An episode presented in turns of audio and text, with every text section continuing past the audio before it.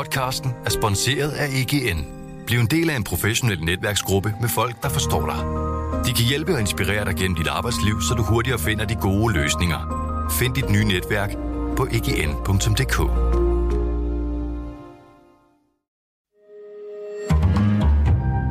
Berlingske. På valgaften forleden var jeg på Christiansborg for at dække valget, og jeg var ved Socialdemokraternes valgfest. På to store skærme kunne man se DR's transmission og TV2's transmission. Magnus Heunicke, Dan Jørgensen og alle de andre minister stod og bed negle og kiggede op på de her skærme. På den ene skærm hos DR, der havde Rød Blok ikke flertal, og hos TV2 havde de flertal. Der var et mandat, der skilte dem. Lige nu så viser øh, jeres kanal jo, at øh, der mangler et mandat til Rød Blok for at have flertal, og på TV2 så er der et rødt flertal. Først til aller, aller sidst lød der et glædesråb i salen, for pludselig var der på begge kanaler rødt flertal. Der er 87 mandater til Rød Blok, så er der altså rødt flertal. Hvorfor gik det sådan? Hvorfor det var det først der på den aller, aller sidste decimal, at prognosen blev ændret, tror du? Jeg tror, at den nøgle, man har brugt til at omsætte estimeret stemmetal til mandater, den har der været en fejl i et sted. Frederik Hjort er valgforsker på Københavns Universitet. Hvorfor kan der være en fejl i sådan en nøgle? Hvorfor har man ikke den rigtige nøgle fra starten af? Ja, det er jo fordi, at vi har et meget kompliceret valgsystem. I dag taler jeg med Frederik Hjort om det system. Et system så særligt, at Rød Blok, der fik færrest stemmer, alligevel endte med at få flest mandater. Er det særligt demokratisk? Og til sidst spørger jeg valgforskeren, hvad han tænker om den midterregering, der måske er på vej. Velkommen i Pilestræde.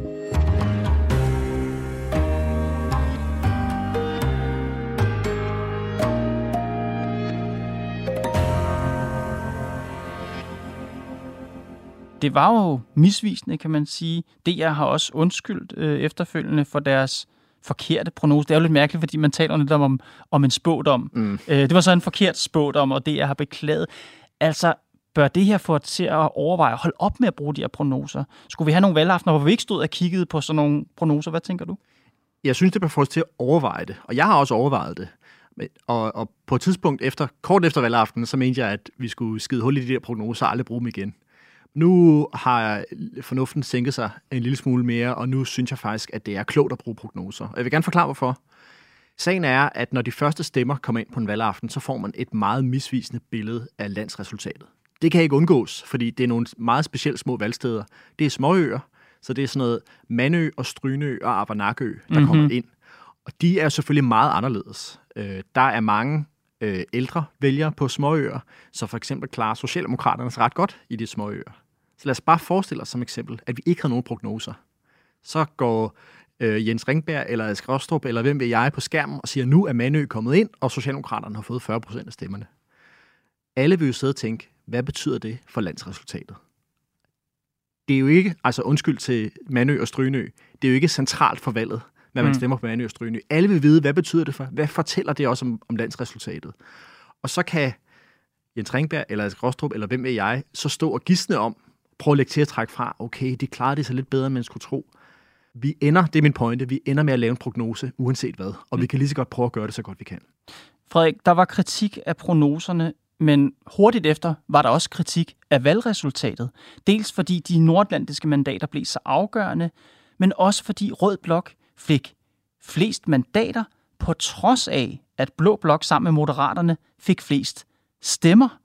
Altså 1.799.745 stemmer til Blå Blok og Moderaterne, hvor Rød Blok fik 70.000 færre stemmer, 1.729.918 stemmer. Det har jeg svært ved at få ind i mit lille hoved. Altså, hvordan kan det være, at den blok, der fik færrest stemmer, fik flest mandater? En del af grunden til, at Rød Blok fik 90 mandater, det er jo selvfølgelig de nordatlantiske mandater. Ikke? Det betyder, at Rød Blok fik 87, og så kunne de tælle 90 med de tre nordatlantiske. Men lad os bare lige lægge det til side. Så nu, nu, nu, nu tager vi kun de øh, stemmermandater, der bliver afgivet i Danmark, altså øh, de danske stemmer, og så de 175 kreds- og tillægsmandater. Der er to grunde til, at det endte sådan med det, man kalder en election inversion i valgforskning, altså en, en valgomvendelse, at øh, mandater øh, flertal af mandater ikke følger flertallet af stemmer. For det første, så øh, har man den regel i valgloven, at kredsmandaternes antal er endeligt. Det betyder, at når du har fordelt kreds, når et parti har fået et kredsmandat, kan man ikke tage det fra dem igen. Mm. Kredsmandater kan godt ende med at være fordelt skævt i forhold til partiernes stemmetal, så nogle partier har fået for få kredsmandater i forhold til deres andel af de samlede stemmer. Men det, har vi til, det er det, vi har tillægsmandater til. Mhm. Så vi øh, har netop tillægsmandater for at kompensere. Men nogle gange, så kan tillægsmandaterne ikke kompensere fuldt ud for skævheder. Prøv lige konkret at forklare, hvordan sådan et tillægsmandat, det ligesom supplerer, eller hvordan det, det justerer det. Hvad er pointen? Lad os lege, at vi kun tænker i forholdstalsmæssighed. Altså, vi vil bare fordele mandater til partier. Så kunne man sige, at du bare ganger procenterne ud, partiernes stemmetal ud på procenter, ja. Og så giver du nogle mandater, og så siger til partierne, I har fået de her mandater, I finder ud af internt, hvordan I vil fordele dem. Så er der ingen problem. Så, kunne man, så, så er der ingen prognosemodeller, ikke noget ballade, alt er nemt. Men vi har det princip i Danmark, at vi vil gerne have, at kandidater har lokal forankring. Det vil sige, at øh, mandater går til specifikke kredse, hvor specifikke kandidater har fået gode valg. Ikke? Så vi kan godt lide, at hvis du er valgt i Nordsjællands storkreds, så har du ligesom fået dit mandat der, og du er den lokale kandidat for Nordsjælland. Og For at sikre, at nordsjællænderne har passende indflydelse på samfundsudviklingen. Ja, de har, de har en, øh, en mand eller kvinde på tinge, som er deres. Man kunne også forestille sig i princippet, kan man sige, måske et parti får nogle mandater, og så sender de en flok øh, fynboer eller hosianer, eller hvad ved jeg, ind i, i Folketinget. Så det er pointen med kredsmandaterne. Ja. Hvad er det så, tillægsmandaterne gør? Ja, ja, man kan sige, at tillægsmandaterne skal så bare rette op på de skævheder, der kommer af, at man kan ikke styre præcis, hvor mandaterne falder. Så Prøv med et eksempel. Hvad kunne sådan en skævhed være? Ja, det kunne være, at et parti har nogle meget koncentrerede kandidater, altså nogle, et parti får ikke så mange stemmer i landet, men de, de lokale kandidater, de får, som er sådan nogle bykonger og dronninger måske, de får nogle enormt gode valg. Så får partiet mange kredsmandater. Og så får andre partier færre end deres nationale antal tilsiger, så skal de have nogle tillægsmandater. Og derfor har vi øh, tillægsmandater, som vi, som vi deler ud for at jævne ud på de skævheder, som kredsmandaternes fordeling har forårsaget. Så de skævheder, som tillægsmandaterne er indført for at rette op på, Mm. mm. lykkes det at rette op på de skævheder ved det her valg? Ikke helt. Så de gjorde det ret godt, men de gjorde det ikke godt nok, og det er fordi, at S fik så mange kredsmandater, Socialdemokraterne fik så mange kredsmandater, at de skulle i virkeligheden have haft et negativt tillægsmandat. Altså man skulle have taget et kredsmandat fra dem. Så kunne man have rettet helt op. Så kunne man have sagt, I skal faktisk have et negativt tillægsmandat, altså bare forstået sådan, I skal have et kredsmandat færre, fordi så, så bliver det helt proportionalt. For at få balancen til at gå op. Og Frederik, hvorfor gjorde man ikke det? Altså hvorfor tog man så ikke et kredsmandat fra Socialdemokraterne? Ja, for det vil være ulovligt. Øh, og man skal følge loven. Ja, det er en og der, god idé. Og der står i valgloven, at kredsmandaternes fordeling er endelig. Så det vil sige, at du kan ikke sidde og lægge det fulde regnestykke bagefter. Du er nødt til at rette op så godt, som du kan, efter kredsmandaternes fordeling er låst fast. Kan man sige det sådan, at valget her i 2022 er et eksempel på, at vores ønske om at, hvad skal man sige, rette ud på ujævnhederne via det her tillægsmandat, at det, det, lø- det i nogle situationer, så lykkes det ikke? Ja, og man har kendt den her risiko lige siden man lavede 1953-grundloven. Man har bare betragtet det som en næsten teoretisk øh, situation, altså som, som man ikke behøvede tage sig så meget af, for det var så usandsynligt, men nu skete det så. Nu skete det i, i praksis, Mm. og nu, i og med, at det er sket i praksis, så vil jeg spørge dig, er valgresultatet så, er det et demokratisk resultat? Ja, det synes jeg, det er, fordi at øh, reglerne er fuldt, og alle kendte reglerne fra begyndelsen.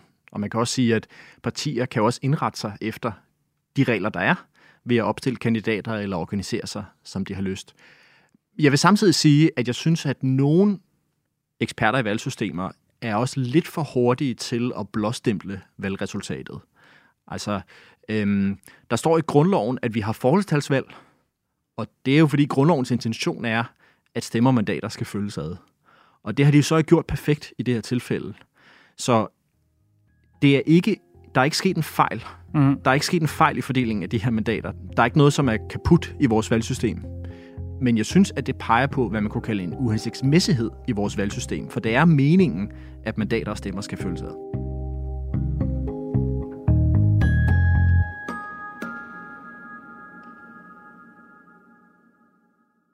Frederik, hvis vi lige kigger på det historisk, hvorfor er vores valgsystem sådan her? man kan pege på to nedslagspunkter, som definerer det valgsystem, vi har i dag, og som, mm. som afgjorde valget, eller som, som, som valget forleden skete under rammerne af.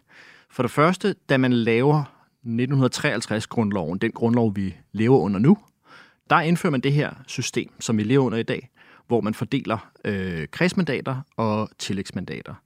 Og, og ideen er, at øh, de fleste af Folketingets medlemmer, som er valgt på kredsmandater, de har en meget klar lokal forankring, og resten, altså dem, som er valgt på tillægsmandater, de øh, repræsenterer øh, deres parti og, og dermed sikrer en forholdstalsmæssighed, en proportionalitet i Folketinget samlet set. Jeg synes faktisk, det er en meget elegant konstruktion, som går ret langt for at få en to ret modsatrettede hensyn. Og det system kører så i mange år. Indtil hvornår?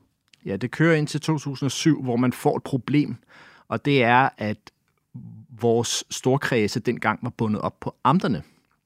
Og vi havde jo deromkring en driftig indrigs- og sundhedsminister, Lars Løkke Rasmussen, som drev kommunalreformen, som nedlagde amterne. Og dermed kunne man ikke længere øh, have de... Man var nødt til at lave øh, vores valgsystem om, også selvom man ikke havde noget særskilt politisk ønske om at lave et ændret valgsystem. Man var bare tvunget til det, fordi at am, amterne var der ikke længere det op på. Hvad gjorde han? Folketinget indførte et nyt øh, valgsystem, der byggede på nye storkredse, og hvor man ændrede øh, divisor, divisoren, som man fordelte kredsmandater efter.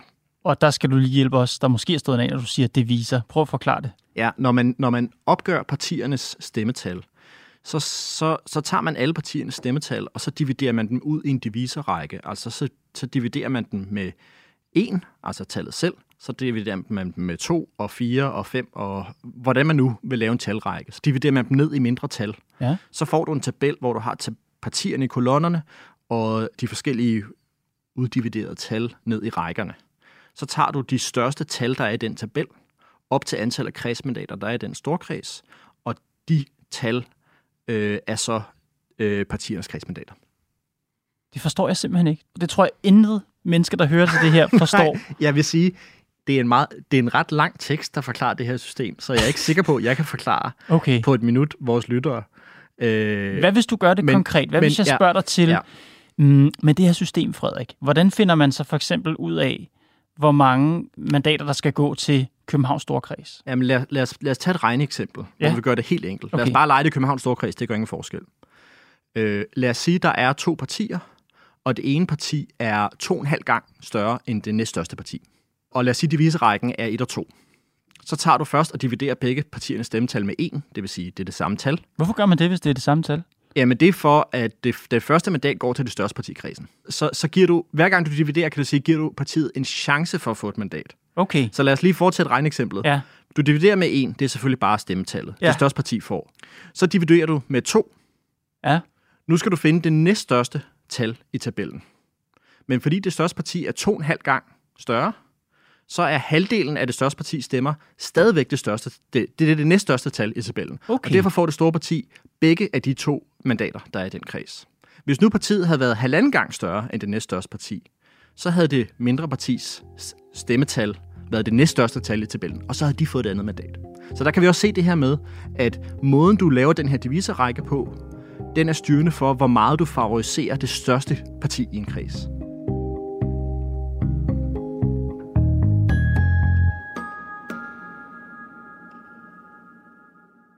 Så den her måde at fordele mandater på, den her kender vi helt tilbage fra grundlovsændringen i 53. Og så er der den her situation i 2007, hvor man har nedlagt amterne, og man er nødt til at gøre noget andet. Lars Løkke sidder inde på sit indrigsministerskrivebord. Han sidder ikke på det. Han sidder ved sit indrigsministerskrivebord og klør sig i, i, i håret og tænker, hvad skal jeg gøre?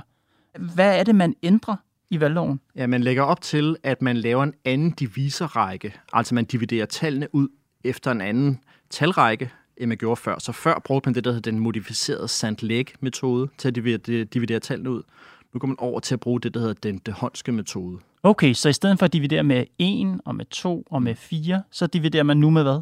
Ja, jeg kan ikke huske, hvad divisorerne præcis er, men, men den dehåndske metode, den er langsommere stigende. Man kan forestille sig, at du går 1, 4, 6 før, og nu mm-hmm. går du 1, 2, 3, noget af den stil. Ikke? Så det er en langsommere stigende. Fordi den diviserrække er langsommere stigende, så er det nemmere for det største parti at få ikke bare det første mandat, men også det andet kredsmandat. Men hvorfor er det smart at gøre i en situation, hvor man har nedlagt amterne? jeg kan ikke regne ud, hvad et rationale skulle være isoleret set fra at nedlægge hamterne til at gå over til en anden diviserække. Det her handler om, om man vil lave et valgsystem, der favoriserer store partier, alt andet lige. Og man vælger så, og det kan man sige, det er jo en sammenhæng, hvor at øh, Venstre er et stort parti, og Blå Blok ikke er specielt fraktionaliseret, altså ikke er specielt splittet ud på mange små partier. Der vælger man at overgå til et system, der relativt set favoriserer store partier. Så Lars Løkke valgte i 2007 at ændre valgloven, så den favoriserede store partier, hvilket blå blok eller hvilket venstre var på det tidspunkt. Ja, ja og, og øh, de røde partier udtrykte dengang en bekymring over den, og det, man kan sige, det blev så ikke taget til efterretning, og vi havde jo blot flertal øh, dengang, og dermed blev reformen, der indførte den dehåndske metode, stemt igennem. Hvilke røde partier, hvad, hvad sagde de? Ja, øh, som jeg husker det, så høringssvaret her, det er S, SF og Enhedslisten, der udtrykker bekymring om det her. Og hvad er deres bekymring? Ja, deres bekymring er, at man ændrer valgsystemet i en retning, der favoriserer store partier mere. Og man kan sige, at historisk set, så har venstrefløjen jo kæmpet mere med fraktionalisering, altså splittelse i små partier, end højrefløjen har. Man husker måske, enhedslisten er jo et produkt af mange års frustration på venstrefløjen med mange små partier, der kan ind. Så hvis vi taler historiske erfaringer, så er det naturligt, kan man sige, at Rød Blok er mere bekymret for favorisering af store partier, end Blå Blok vil være.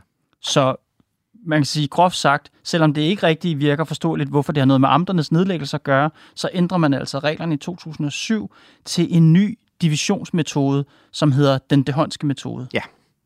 Har den andre effekter, som måske endda er en positiv effekt? Ja, en effekt af den dehåndske metode, sammenlignet med den modificerede satellitmetode, som vi havde før, er, at det bliver vanskeligere for partier, som ikke har klaret spærregrænsen, at få et kredsmandat. Det kan man i dag, det, det har man hele tiden kunnet, det kan man også i dag, men det er vanskeligt. Øh, og det er vanskeligere som følger den holske metode. Og man kan jo godt anlægge den betragtning, at det er rimeligt, at vi har en spærregrænse, sådan at partier, som får under 2% af stemmerne, ikke kan komme ind i Folketinget og beskytter mod øh, fraktionalisering. Man kan sige, vi har jo generelt et ønske om, at vi ikke skal have 179 forskellige partier i Folketinget. Det er jo også det, spærregrænsen er med til at sikre, mm-hmm. at vi koncentrerer mandaterne på partier, der kan gøre det nemmere for Folketinget at samarbejde. Så på den måde, regler, der favoriserer store partier, er jo også med til at beskytte det hensyn. Hvis vi lige vender op til overfladen igen, Frederik, vil valgresultatet i år have set grundlæggende anderledes ud, hvis vi stadigvæk kørte på den gamle metode? Nej, for blokkene vil få omtrent de samme mandater. Men de beregninger, jeg har set, peger på, at valgresultatet ville se anderledes ud i den forstand, at Rød Blok samlet set ville have haft 89 og ikke 90 mandater. Det er jo selvfølgelig den her sammenhæng et politisk meget anderledes scenarie. Så det er vel grundlæggende anderledes? Ja, altså igen, man kan jo debattere, om det er grundlæggende anderledes, hvis der er et mandat, der flytter sig. Nu har vi jo så bare den her situation, at vi har et meget, meget tæt valg, så selv forskydning i et enkelt mandat er meget afgørende. Hvis Lars Lykke lytter med til Bilstred, det ved jeg ikke, om han gør, så kunne han jo godt sidde og tænke, gud, jeg indførte nogle regler i 2007, som faktisk har gjort, at jeg, at jeg og Blå Blok ikke nu sidder med de fleste mandater. De beregninger, jeg har set, jeg har ikke selv lavet dem, men de øh, peger på, at Rød Blok ville have haft 89 og ikke 90 mandater, hvis man havde holdt fast i den modificerede sandlægmetode. Så svaret må være, ja, det var en skældsættende regelændring dengang i 2007. Man kunne også forestille sig et andet udfald med de nuværende regler, hvis Venstre ikke var splittet i tre. Hvis Støjberg var blevet i Venstre, hvis øh, Lars Lykke var blevet i Venstre, havde Blå Blok så fået det afgørende mandat? Det har jeg ikke selv regnet på, men det, folk, jeg stoler på, har regnet på det og siger, at øh, så havde Blå Blok fået det afgørende mandat. Fordi at så havde Venstre været et stort parti i nok kredse til at have fået det ekstra kredsmandat, de skulle bruge. Altså under forudsætning af, at vælgerne så stadigvæk, alle dem, der nu har stemt på Moderaterne, Danmarksdemokraterne ja. Venstre, alle sammen stadigvæk havde stemt på Venstre. Det skal vi jo forudsætte, men altså, det er jo en helt exceptionel situation, vi har, at vi ikke har mindst to store partier i det her folketing. Vi har et historisk altid haft mindst to, altså Venstre og Socialdemokraterne. Så det må have formodningen for sig, at Venstre ville have været meget større. Og i den situation peger alle tal på, at så havde Blå Blok også haft det, det, det flertal i dag. Frederik, vi har talt om, hvordan mandaterne blev fordelt, som de gjorde. Lad os tale lidt om, hvad valgresultatet betyder for det politiske samarbejde i valgperioden, der kommer. Altså, Socialdemokraterne 27,5 procent af vælgerne. Venstre 13,3. Og så har vi altså 10 partier under 10 procent. Hvilken betydning får det? Det vil gøre det meget svært at tælle flertal sammen i det nye folketing. Man skal jo som bekendt kunne tælle til 90 for at få lovgivning igennem, og der, der er så langt op, der, der er så mange partier og mange kaffekopper, man skal igennem, at det er, vil være historisk svært at samle flertal i det folketing, vælgerne har sammensat. Men samtidig har vi også et gigantisk parti, altså kæmpepartiet Socialdemokraterne. De er næsten dobbelt så store som det næststørste parti, Venstre. Det må da være en enorm fordel for Socialdemokraterne at være så meget større end de andre. Eller hvad? Det er helt klart en stor fordel, alt andet lige for Socialdemokraterne, at de er så meget større. I hvert fald i den forstand, at alle er enige om, at vores næste eller vores vedvarende statsminister skal være Mette Frederiksen. Det vil være mærkeligt andet, når partiet er så meget større mm-hmm. end mhm. det næststørste. Men man skal huske, at regeringen er afhængig af at kunne samle flertal, og det kan jo godt være attraktivt for Socialdemokraterne at have et stort oppositionsparti, som man kan få med i brede aftaler, og som får en meget tæt på 90 eller måske, måske over øh, den tærskel. Så, så det vilkår, at der er langt op til 90, det gælder jo også for Socialdemokraterne. Og på den måde er det ikke en ubetinget fordel, at deres opposition er så splindret, som den er. Og så er der jo en masse politiske sonderinger i øjeblikket. Det store spørgsmål er, om vi får den der regering over midten. Jeg så, du delte et tweet fra en forskerkollega for nylig om hollandske erfaringer med regeringssamarbejde hen over midten. Prøv lige at forklare det. Ja, det her er skrevet af øh, min højt agtede kollega Klaas de Vrese, som er en dansk-hollandsk politolog. Og han delte erfaringerne fra Holland, hvor man lavede en slags samlingsregering hen over midten. Begge de store partier, altså Centrum Højrepartiet og Socialdemokraterne i Holland, gik tilbage ved det næstfølgende valg, og man kan måske sige tankevækkende nok, Socialdemokraterne, som er så det ene parti i samlingsregeringen, de gik 90 procent tilbage. Altså ikke procentpoint, men 90, det vil sige omkring 9 tiendedel af deres mandater, tabte de ved det næstfølgende valg. Så for de partier, som er i den samlingsregering i Holland, så var den her midterregering en katastrofe. Hvorfor deler du det tweet, Frederik? Ja, for jeg synes jo, det er relevant at lære af andre landes erfaringer, og man snakker meget om, øh, hvordan det skal være med en midterregering, og man må sige, at vi har ikke nogen nylige erfaringer. I Danmark så er det relevant at kigge til lande, der minder om os. Det hollandske partisystem minder faktisk en del om det danske. Men hvis man sidder og læser dit tweet, eller det tweet, du deler øh, inde hos Mette Frederiksen, eller inde hos øh, Jakob Ellemann, eller Lars Lykke, så må man blive meget bekymret. Det lyder nærmest som politisk selvmord at lave en midterregering, hvis man kan stå til at miste 90 procent af vælgerne på, på den øvelse. Er det en advarsel, det her, til, til de partier, der, der drømmer om det? Ja, det tweet er afgjort en advarsel til dem. Og det er svært at gisne. Der er mange eksempler. Man kunne sikkert også komme på eksempler på midterregeringer, som har klaret det fint. Men jeg synes, der er noget teori, som tilsiger, at det er lidt farligt at lave en midterregering. Helt mm. enkelt sagt, så er det godt for vælgerne at have et klart politisk alternativ til en regering. Og det vil jo altid være sådan, hvis du har en regering, som er forankret til venstre eller til højre, så har du et klart regeringsalternativ til højre eller til venstre, altså i oppositionen. Og hvis du har en regering, som ligger hen over midten, så det eneste klare alternativ, du har, det er yderfløjene. Og derfor er der den her teori eller formodning om, at midterregeringen vil styrke yderfløjen, og det synes jeg har formodningen for sig. Men det, jeg tænker, det er, at i Danmark, der har vi da over noget tid nu, vi er blevet masseret af politikerne til at drømme om den her midterregering. Lars Løkke sagde det allerede i 2019, ikke? befrielsens øjeblik, vi skal søge mod midten. Der har altså været nogle år, hvor de danske vælgere har kunne gå og vende sig til den her tanke. Mange af dem kan rigtig godt lide tanken. 40 procent af vælgerne stemmer på de tre partier, altså Socialdemokratiet, Moderaterne og Radikale, som går til valg på at lave et samarbejde over midten det er svært at forestille sig, at, at hvad skal man sige, 90 procent af dem løber væk fra den midterregering, som de gjorde i Holland. Ja, det er svært at forestille sig, og man kan sige, det, det, det tror jeg heller ikke sker. Jeg tror ikke, at nogen af de her partier går så langt tilbage. Øh, Venstre kan jo dog nok tåle det efterhånden, kan man sige. Som Jakob Ellemann sagde meget fint øh, på valgaften, da han holdt sin tale, vælgerne har altid ret, og det mener jeg også som valgforsker. Men i forhold til, man kan sige, hvis man, hvis man synes, at det er godt, at vi har et stabilt partisystem, hvis man synes, det er en god ting, så, så mener jeg, at det bør mane til bekymring, når vi ser en sammenlignelig case med den danske, mm. hvor at øh, en, en regering hen over midten har ført til meget betydelig ustabilitet.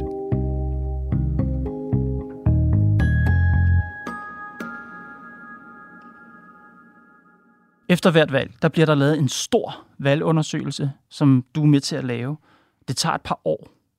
Kan du nævne en ting, som du ikke aner svaret på, men som du tænker kunne komme til at trække overskrifter på Berlingske? Ja, det kan jeg godt, men jeg skal lige tænke mig om. en af de øh, kapitler i den bog, som jeg selv er medansvarlig for, det er et kapitel, som handler om wokeisme, altså det, man nogle gange kalder sådan noget identitetspolitiske emner. Øh, det er et tema, som har fyldt noget i valgkampen, både øh, pro og kontra, og vi har set nogle eksempler på øh, borgerlige politikere, som har prøvet at mobilisere imod wokeisme, som de taler om som ligesom en, en demokratisk trussel mm. osv. Vi har et modul i, i det survey, vi, vi sender ud i disse dage, som handler om det. Jeg glæder mig til at se, hvor udbredt øh, de her idéer er, hvor, hvor, hvor meget hvor dybt det stikker i vælgerhavet, og i hvor høj grad det splitter de forskellige partikoalitioner, vi ser i Folketinget. Hvorfor er du så optaget af det? Det er fordi, at vi er gået ind i en æra, hvor at udlændingepolitik som værdipolitisk konfliktlinje er afdæmpet. Altså vi, har, vi ser næsten en slags national konsensus om udlændingepolitikken, for der er så stort et flertal bag den udlændingepolitik, den nye regering kommer til at føre. Og det rejser spørgsmålet om, hvordan ser værdipolitisk konflikt i Danmark ud, efter at udlændingepolitikken har været så central? Altså hvilke andre former kan værdipolitisk konflikt tage? Og det glæder mig til at dykke mere ned i. Frederik Hjort, det glæder mig til at høre meget mere om. Tak fordi du kom, Pilstred. Velkommen. Det var Pilstred for i dag. Jeg håber, at du er glad for det, vi laver. Og hvis du er, så vil jeg bede dig om en tjeneste. Find Pilestrædet i din podcast-app og tryk følg. Du kan også give os et par stjerner og et par ord med på vejen. Det hjælper andre med at finde podcasten. Tak for det. Redaktionen bag Pilestræde er Mads Klint, Johanne Dibjerg Holgersen, Nicoline Odgaard Sørensen og mig, Kåre Svejstrup. Vi er tilbage i morgen.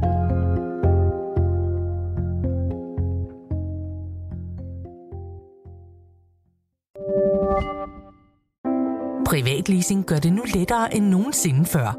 Når det kommer til elbiler, er Polestar 2 en sand stjerne på himlen. Med privatleasing af Polestar 2 får du ikke kun glæden af at køre en topmoderne elbil, men også fordelene ved lave driftsomkostninger lige fra dag 1. Du slipper for bekymringer om vedligeholdelse og service, for alt er inkluderet i den faste månedlige pris. Oplev friheden ved privatleasing af en Polestar 2. Besøg polestar.com.